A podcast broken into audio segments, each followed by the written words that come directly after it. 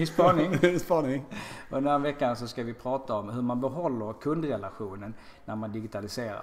Söker man på digital transformation så får man en massa träffar. Det är ett väldigt hett ämne. Ett spår inom det här är automatisering. Och hur lyckas man då behålla en privat eh, och bra relation med kunderna? Det känns lite som att man tappar de klassiska marknadsföringsreglerna med hur man hanterar sina kunder för, till sin förmån för någon slags digital förblindning över alla möjligheter som finns. Och vi ser dagligen exempel av det här som gör oss eh, att, att vi vill ta upp det här i vår, mm. vår spaning. Just Vad det. tänker du John? Nej men jag, så här är det ju att, att digitaliseringen innebär givetvis att vi som kunder eh, har fått tillgång till och får tillgång till produkter och tjänster, information på ett helt annat sätt mm. idag mm. än, än, tidigare. Och det är klart att det innebär en mängd fördelar mm. eh, för oss som kunder. Mm. Samtidigt så är det lite grann så här och det du är inne på, där kanske den här förblindningen lite grann av att digitalisera och automatisera. Mm. Att vi behandlar alla kunder likadant. Mm. Och om vi bara stannar upp och reflekterar lite grann över våra befintliga kunder och över våra potentiella kunder mm. så har ju de olika potentiellt värde. Både, både nu och över tid. Mm. Eh, de har olika intressen. Eh, de har olika eh, behov. Mm. De har olika nivåer av kunskap kring våra produkter och våra tjänster. Eh, så, att, så att det är en, det är en ganska stor skillnad och ett väldigt brett spektra över hur våra kunder faktiskt ser ut och hur mm. våra potentiella kunder ser ut.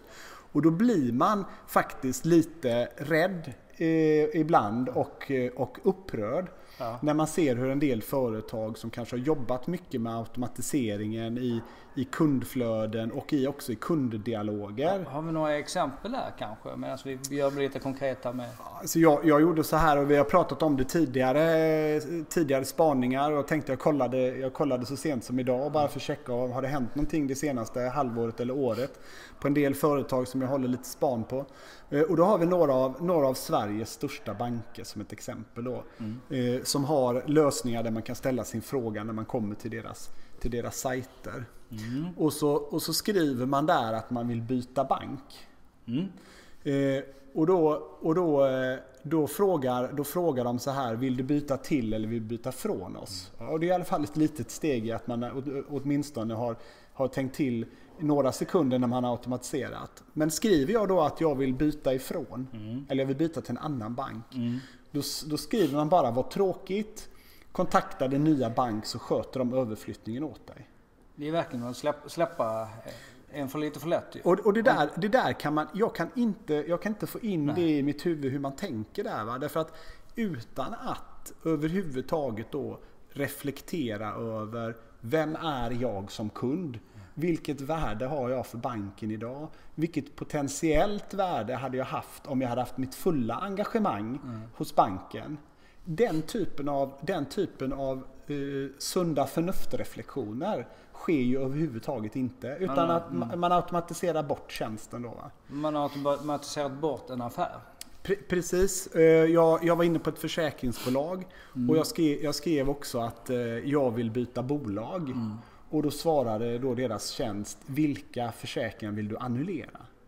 Mm. Alltså de utgår från att jag redan är kund i det bolaget jag besöker mm. och att jag vill byta från det. Mm. Och svarar bara ungefär som att eh, hej då. Ja, det känns inte förtroendeingivande. Nej, och, det, och det, här är ju, det här är ju faktiskt, det är faktiskt märkligt att man i en företag och i en organisation där man spenderar så otroligt mycket pengar på digitaliseringen. Att man faktiskt inte reflekterar över det här som du sa, gamla traditionella regler. Hur bygger vi relationer med våra kunder? Mm. Hur stärker vi relationer med våra kunder? Mm. Potentiella kunder som på något sätt visar ett intresse för mm. våra produkter och våra tjänster. Mm. Hur fångar vi de kunderna och ser mm. till så att de får en bra upplevelse? Eh, och att man stannar upp lite grann och reflekterar kring det här. Okej, okay, hur, hur ser våra kundflöden ut idag? Vilka kanaler kan våra kunder eller potentiella kunder komma i kontakt med mm. oss? Och hur hanteras de när de väl är där? Va? Mm. Ett exempel från, från, från retail också, där man jobbar med automation. och man kanske går in och skriver att ja, men jag, söker en, jag söker en vit eh, skjorta i, i storlek large. Mm. Har ni det?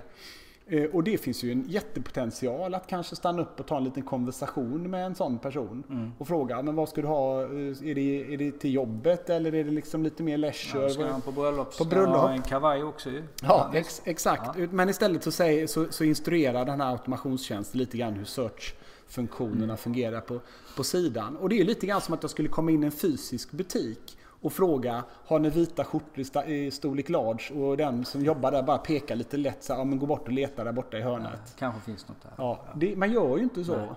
Eh, Och det är klart att det här smärtar eh, hos oss som, som jobbar väldigt mycket med, med kundmötet och kundrelationen. Så att kundrelationen glöms bort vid automatisering oftast. Ja, och att, att det, sker, det sker alldeles för ofta. Så att eh, det som vi skulle vilja skicka med, Ja. skicka med eh, er, som, er som lyssnar här är ju lite grann att i den här eh, ivern över att digitalisera, att givetvis inte glöm bort, eh, glömma bort kundmötet och kundrelationen. Hur bygger vi och hur stärker vi kundrelationer med våra befintliga kunder och vilka av våra befintliga kunder är kanske mer viktiga än andra eller har mer potential än andra. Segmentera. Precis. Och hur jobbar vi med de potentiella kunderna som kommer till våra digitala kanaler för att fånga upp dem och förstå vad, vad det är de vill, vilka behov de har och hur vi bäst möter dem då. Och då är det inte alltid automation som är lösningen utan ibland så måste vi lägga till det mänskliga mötet. Och som kan vara på olika sätt. Det kan vara fysiska möten, det kan vara att vi pratar med kunden.